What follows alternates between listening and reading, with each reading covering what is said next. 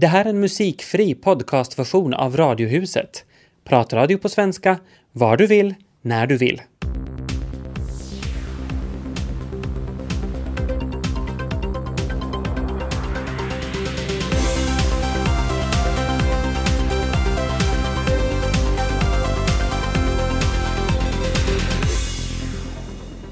Det är måndag eftermiddag och alla, verkligen alla, pratar om presidentvalet. Ja, det gör förstås också vi på Radiohuset. Tina Grönros och Tobias Larsson är ditt sällskap på Vegakanalen. Välkommen med!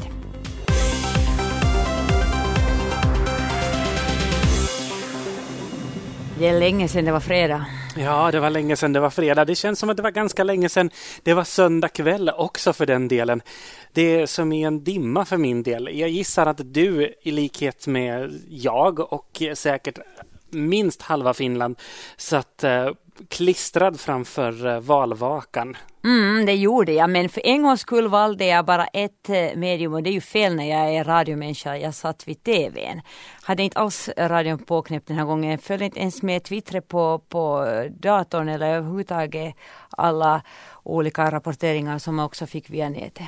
Nej, jag tycker att överlag så om vi börjar med rapporteringen så tycker jag att det var en snygg valvaka som syntes i rutan. Jag följde då på FST5. Mm, den eh, följde jag också. Där jag framförallt tycker att Daniel Olin gjorde ett fantastiskt jobb som ankare det är svårt att hålla ihop en sändning där man inte vet, när saker som borde komma in inte kommer in och så ska man hålla det levande utan att bli babblig eller trampa vatten eller vara tråkig. Mm. Jag tycker att de skötte sig med den äran och så tycker jag det är en, ett mervärde när människor kan twittra och tycka till och skriva in sin egen åsikt och så vidare.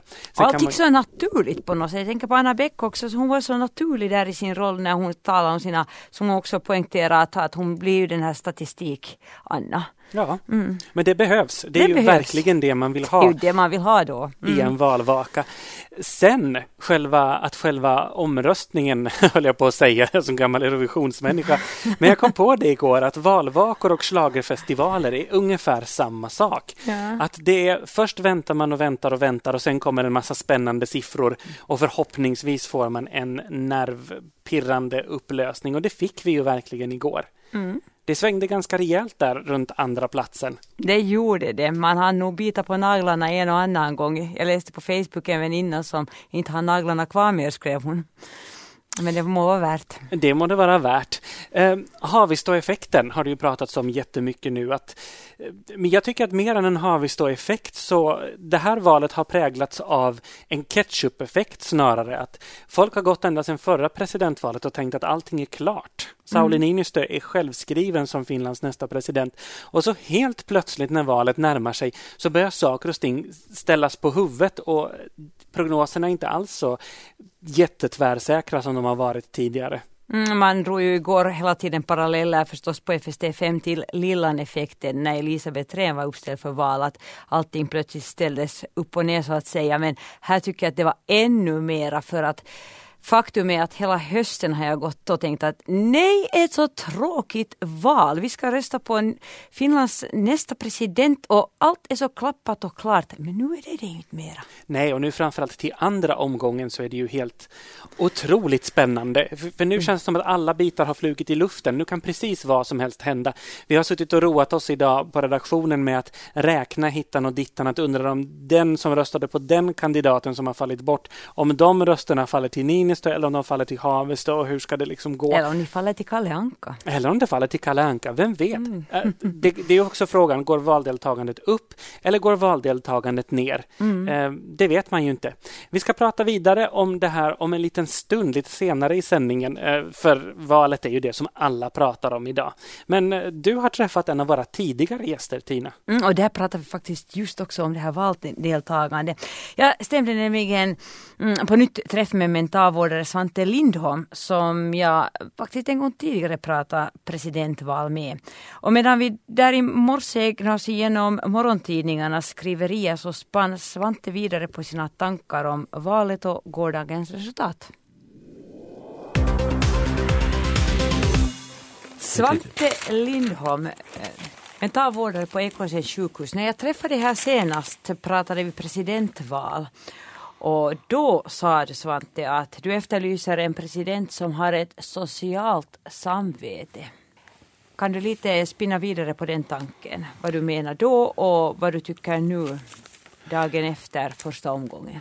No, trots att eh, presidenten efter första mars inte har just någonting att säga till om så har den naturligtvis en möjlighet att påverka i det tysta opinionerna och då är det mycket viktigt tycker jag att, att presidenten ska ha ett, eh, ett uttalat socialt samvete, alltså eh, arbeta för dem, eller åtminstone eh, på något vis jobba för de mindre bemedlade i samhället. Och, och, och det där, då är mitt val helt klart, om vi uttrycker det på det viset. Nu är du mitt inne i semestern. Du har vintersemester så du har inte hunnit prata kanske med dina kollegor på, på sjukhuset med andra vårdare till exempel. Ehm, har du en känsla av att de delar din åsikt eller vad har ni pratat kring presidentvalet? No, eh, det är det intressanta just med eh, folk som jobbar på sjukhus och i synnerhet sådana som jobbar inom psykiatrin är ju nog att man har ett otroligt engagemang för de som har det dåligt ställt. Trots att vi inte i offentligheten eh, så att säga pratar så mycket om det. Men jag har nog en, en känsla av att största delen delar mina åsikter. Hur var gårkvällen för dig? Hur kändes det att äh, sitta där och följa med presidentvalet? No, det, eh, det skojiga var det att jag var i Åbo hela veckoslutet. Jag kom hem ganska sent. Jag kom med sjuans tåg och så får jag direkt och rösta i Snappetuna. Och det första jag frågade när jag kom in var det att, att har ni haft mycket kvinnfolk som har röstat?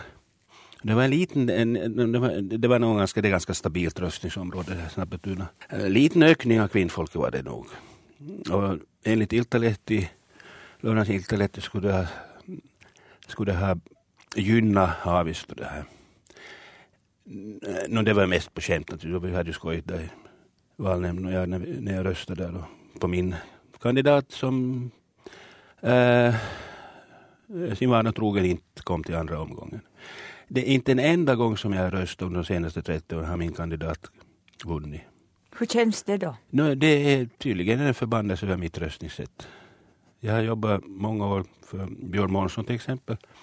Och han har aldrig kommit, varken i riksdagen eller i EU-parlamentet han kom in. Så det är vant för mig på det viset. Men resultatet sedan då, så ingav det dig förtröstan? Ingav det dig hopp om framtiden eller är du försatt i chock? Uh, Nej, jag är ganska realist. Alltså det är bra att Haavisto vann. Det, det, är bra. Men rent politiskt så tror jag inte att det håller i sig den här trenden. Nu, nu är alla mm, höjer armarna i skyarna och menar på att nu, nu blir det liberalt i landet. Det tror jag inte. Det, det kommer att fortsätta pendelsvängningarna. Det här landet är så tudelat, i likhet med eh, USA, så tudelat att de här svängningarna kommer att fortsätta framtiden också. Jag är inte alls förvånad om det, om det blir en mm, märklig Soine-effekt i en följande val. Om du jämför med, med presidentvalen i USA så där är Clinton en utpräglad liberal följs av en, en fullständig nolla som Bush. Och sen igen kommer Obama. Eh, så att det där, och det fortsätter i framtiden. Också i Finland. Så nu har eh, folket två veckor tid på sig att fundera hur de ska rösta i omgång två. Tror du att det blir överraskningar? No, det finns de här, vad ska vi kalla de här, det finns ju socialdemokrater, i synnerhet de här betongsossarna, som är så fullständigt chock att de inte kan tänka sig att rösta på, på Haavisto, garanterat. Och inte heller på Niinistö, för de vet ju vad, vad, vad han står för i grund och botten. Eh, så det finns, det, jag tror att, att valdeltagandet kommer att sjunka. Eller så vandrar folk upp till valurnan och röstar blankt. Jag tror att svenskarna tror, vi är så öppet eh, relativt liberala att jag kan nog tänka mig att vi röstar på Haavisto. Förutom de som är högerinriktade SFP som, som röstar på Niinistö. No, sen har vi Väyrynen-anhängare. De är ju mm, Centerpartisterna och de här djupa skogarnas folk. De är ganska värdekonservativa. Eh, trots att de har ett socialt samvete. Men, men, eh, men ändå värdekonservativa. Vi ska komma ihåg att, att Centerpartiet inte, aldrig har varit lika höga inriktat som, som Kokomus. Aldrig i världen. De, det, det är tillsammans med sossarna som, vi byggde upp, som, som Centerpartiet byggde upp det här välfärdssamhället. Men eh, rent ur moralisk synvinkel så är de värdekonservativa och jag kan inte tro att de kommer att rösta på Haavisto. Men jag kan inte heller tro att de kommer att rösta på Niinistö. Inte vågar jag förutspå hur det slutar det här valet men jag, jag, vet, jag vet inte hur det Så det blir många röster till Kalle Anka? Det finns en risk, jo. Så efter två veckor, oberoende om eh, nästa president heter Niinistö eller Haavisto, kan vi tala om att eh, Finland ser annorlunda ut. Eh, kan du tänka dig att vi kan prata om det här sociala samvetet som presidenten bör ha? Ja, skulle vi få Haavisto till president så då skulle vi verkligen kunna tänka på att det har blivit en, en, en, en det här uh, The Tide is turning som Pink Floyd sjunger i en bit och som också var uh, Barack Obamas uh, signaturmelodi när han valdes för, för snart fyra år sedan.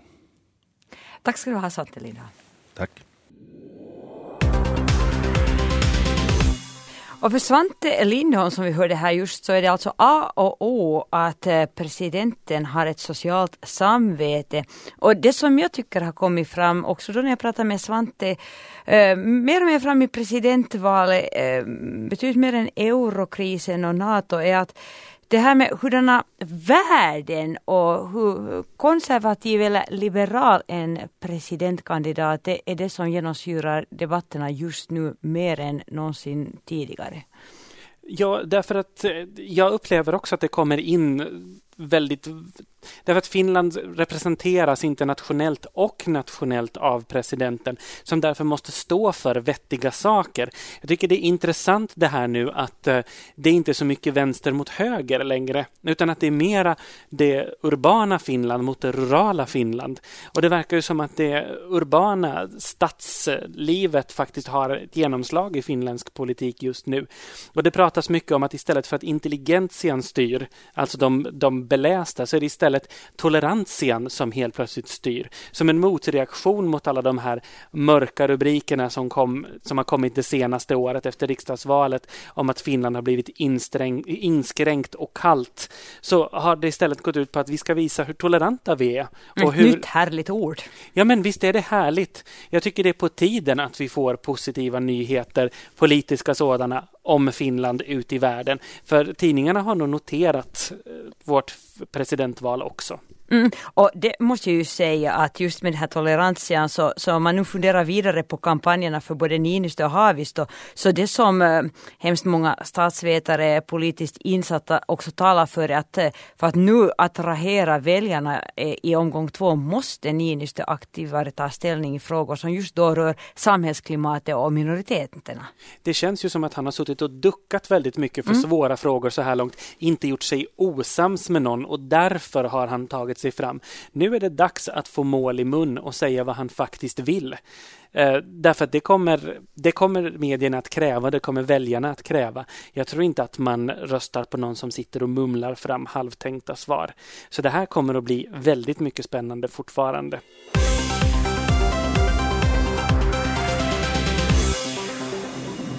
Idag den 23 januari inleds drakens år enligt det kinesiska horoskopet. Draken är det mäktigaste av de tolv tecknen i kinesiska kalendern och att födas som drakbarn anses skänka lycka, rikedom och berömmelse. Och det kan jag berätta att det funkar. Jag är drake nämligen. Ser du? Hepp. Ja, jag gissar ju det. Och i Kina så vill man ha flera Tobias till världen så det väntas babyboom just i år. Och det här har ni säkert hunnit läsa om en massor i, i nyhetsrapporteringar kring det kinesiska nyåret. Men här i Finland så har vi nu koncentrerat nyhetsrapporteringen till presidentvalet. Jag tänkte göra en sån egen hopmix. Jag läser det kinesiska horoskopet för de båda presidentkandidaterna. Men eftersom inte jag vill gå händelserna i förväg och berätta vad som sker här nu under de kommande två veckorna eh, så koncentrerar jag mig på personlighetsdragen. Varken Niinistö eller Haavisto har turen som du Tobias att Nej. vara födda i drakens år. Alla kan ju inte dra samma Nej. vinstlott som jag. Jag är själv född i apans år så att det säger Det är inte så illa det, det heller. Det är inte så illa, det är ett ganska bra tecken. Nåja, men de är, de här Niinistö eh, ha, och Haavisto. Så Niinistö som är född 1948, han är född i råttans år och Haavisto född 1958 är född i hundens år. Rått Råttan, eller i det här fallet Niinistö, är till sin personlighet en suverän opportunist med smak för det ljuva livet. Råttan avskyr alla former av trist rutinarbete, han är rotlös och har ett nervöst temperament. Råttan har också charm, han är slagfärdig och kan med sitt överflöd av charm vända förlust till vinst och misslyckanden till framgång. Inte så illa det här för Niinistö. Nej, nej, nej. Och så snart han har bestämt sig för någonting så gör han allt för att nå sitt mål. Personer som är födda i råttans år är sällskapliga av sig, de älskar umgänge, särskilt om det är lite sådär glassigt, som golfklubbar, Rotario, och innerestauranger. Och fast nu råttan räknas som rätt obekymrad vad gäller att passa tider så kan han faktiskt genomgå en total metamorfos om han till exempel söker sig till statsförvaltningen. För då förvandlas han till en person vars liv domineras av tjänstgöringslistor, dagordningar, tabeller och massor av avgivna rapporter. Statsförvaltningen, det låter ju lite presidentaktigt. Det, är, det lutar nog mot att råttan Niinistö kanske blir president, man vet ju inte. För det bästa yrkesvalet för en råtta det är att bli spion. Men andra lämpliga råttjobb är journalist, äventyrare, bilförsäljare eller politiker. Jag tackar ja, så han kan sälja begagnade bilar ifall det inte blir en presidentpost nu då. Mm, hunden, eller i det här fallet Havis då, så en kronisk pessimist som väntar sig det värsta. En person född i hundens tecken är först med att påpeka hur förskräckligt väder vi har haft och hur många människor i världen som svälter.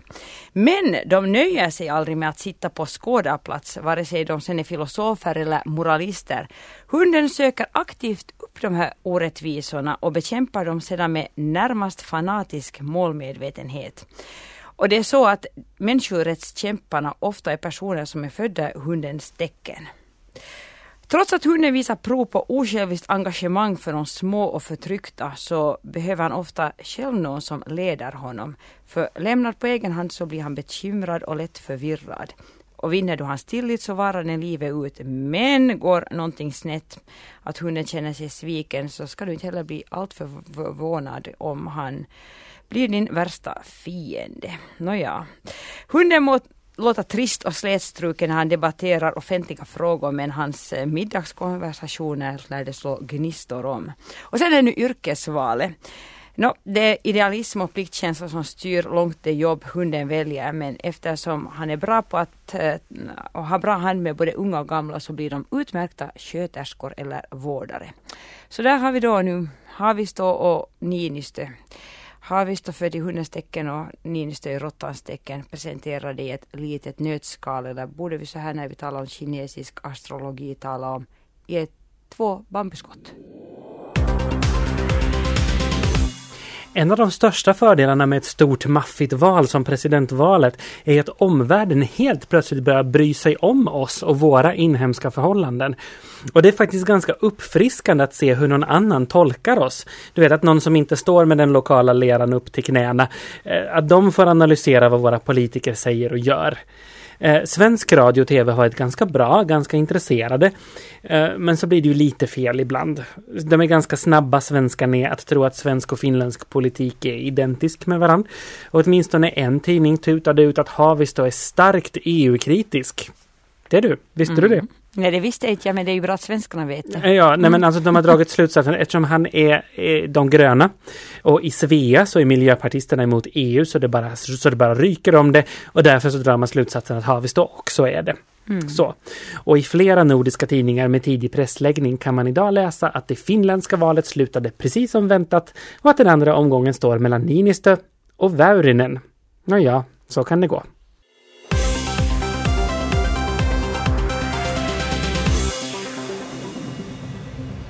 Kati Willberg är maskintekniker. Hon kom på jobb till Sisu lastbilsfabrik 2007.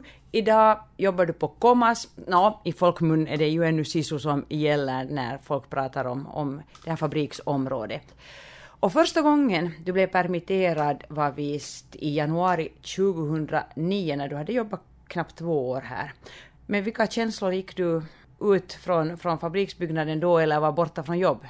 Då på den tiden så var det ju helt nytt det här med permitteringar och, och sånt så att man visste ju inte riktigt vad det innebar. Man såg ju sig mera som arbetslös och all framtid var oviss och så här men att men det var ändå trots allt en tidsbunden permittering så man visste att om en månad är man tillbaks på jobb och man var ju beredd på att det tar en tid före man får lön och sånt men, men det var så nytt det här med just pengar från fack och annat så det, det man var inte riktigt fullt medveten om vad det var men att, men att det var ju trots allt bara en tidsbunden grej så att man visste ju att det fanns jobb igen om en månad.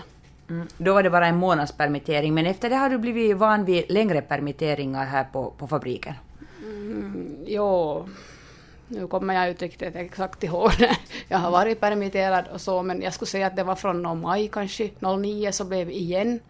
Och då var det så månne att det var tills vidare, om jag kommer helt fel ihåg, men, men åtminstone så var det den sommaren som man var permitterad. Att sen mot höst, hösten så vid skolstarten ungefär, så då, då någon gång så blev man inkallad igen.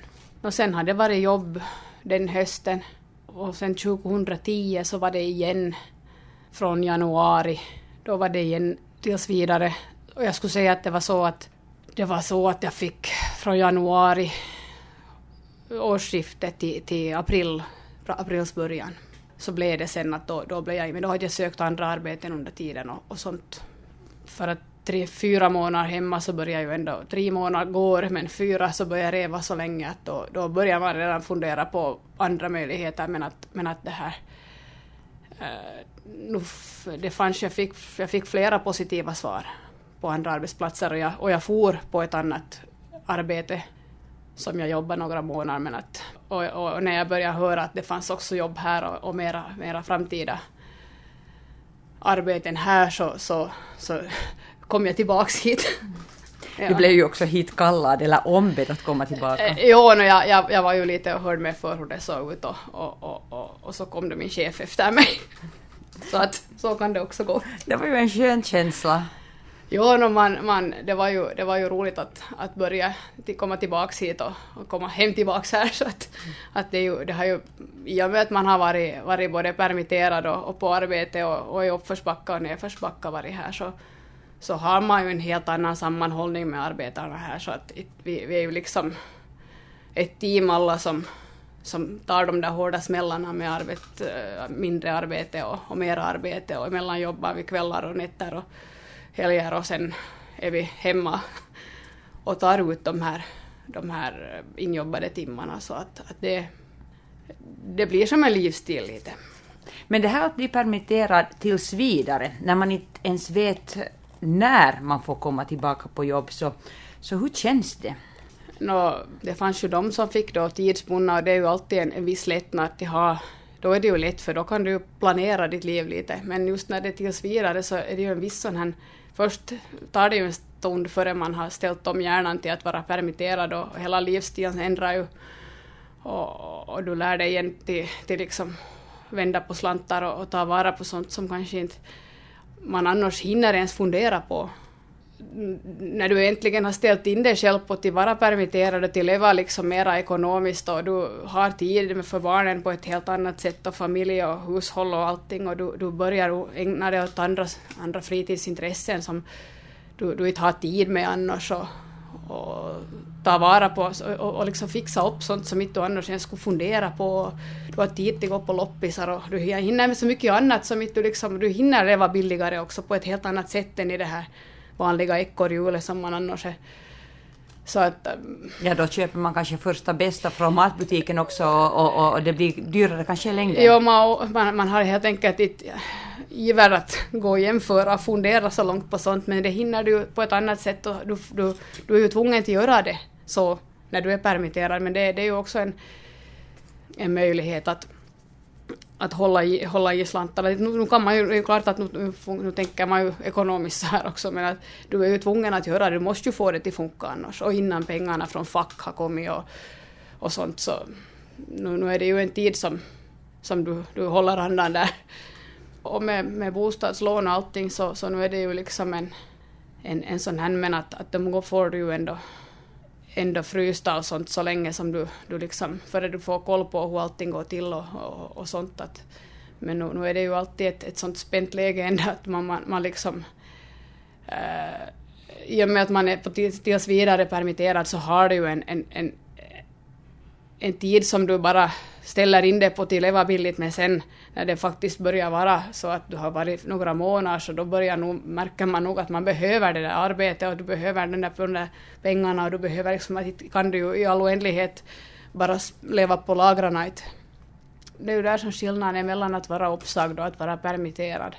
För är du uppsagd så då, då, då, eller just om man är arbetslös då kanske, så då kan jag tänka mig att man har en sån känsla att att jag, jag, behövs inte, men å andra sidan så du behövs inte just där, att nu finns det ju säkert ett arbete där du behövs, så att det inte är ju hoppet ute för det fast du är liksom arbetslös, att nu, nu finns det ju alltid folk som behöver någon donare någonstans, så att det, det är ju fast i en själv då.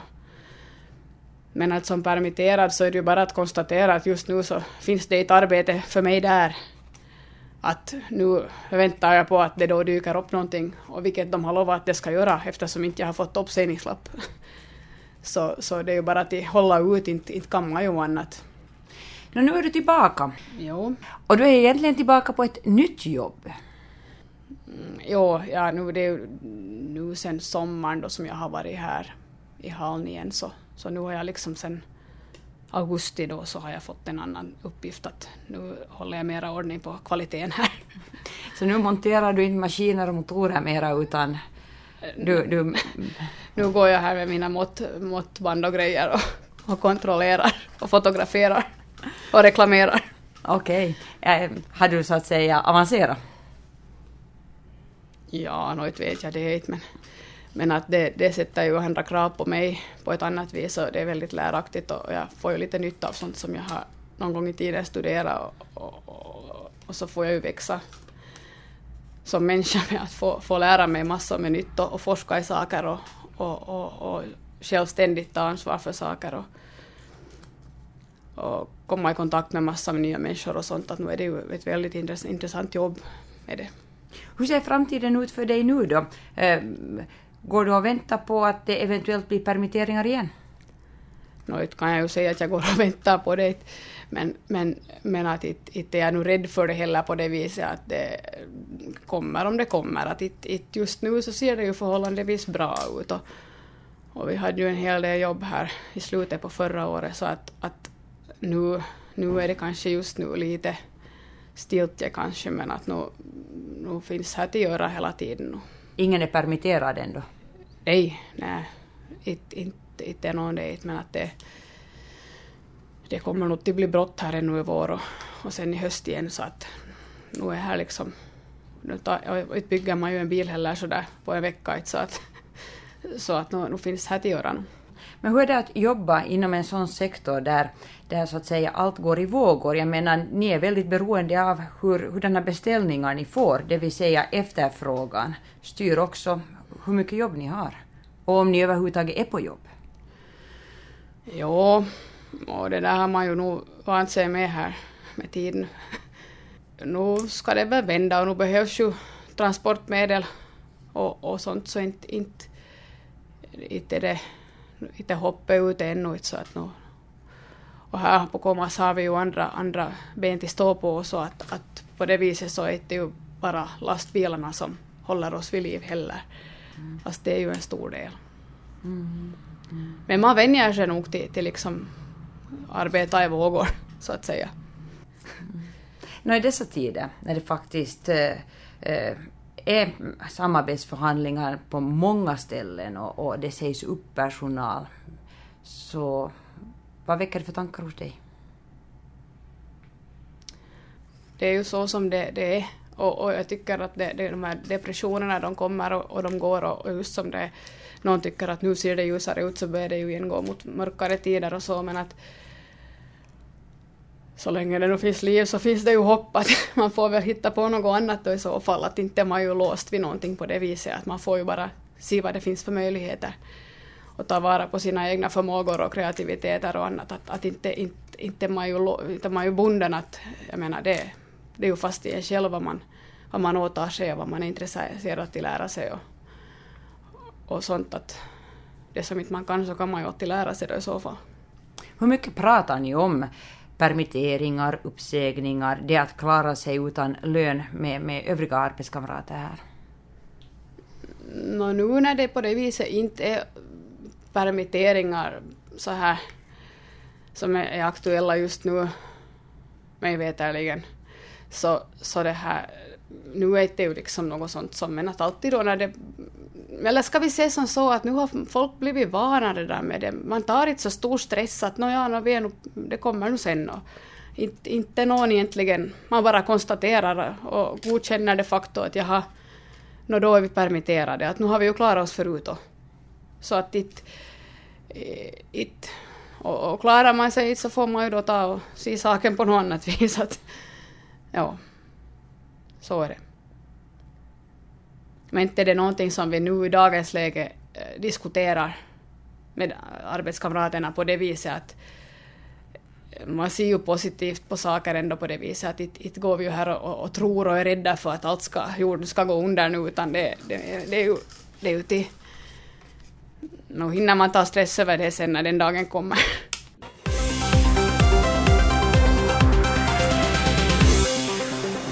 Paavo Lipponens bleka resultat i gårdagens val var väl lite av en smäll på näsan för Finlands socialdemokrater. Det, det, måste man ju säga. När de sätter upp ett av sina toppnamn och så blir det inte mer i utdelningen så.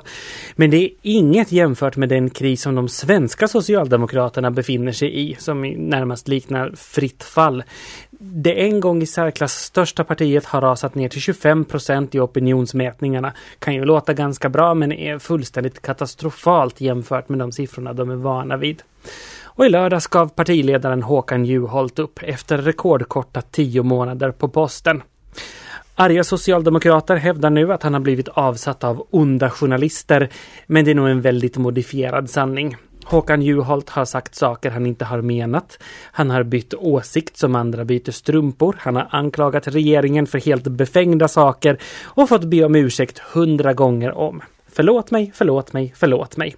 I Sverige fungerar det inte så. En politiker utan förtroende får gå. Katapultstol rakt ut i kylan.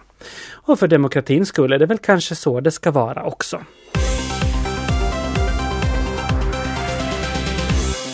Det här var en musikfri podcastversion av Radiohuset som sänds i Radio Vega måndag till torsdag. Mer information om programmet hittar ni på svenska.yle.fi radiohuset.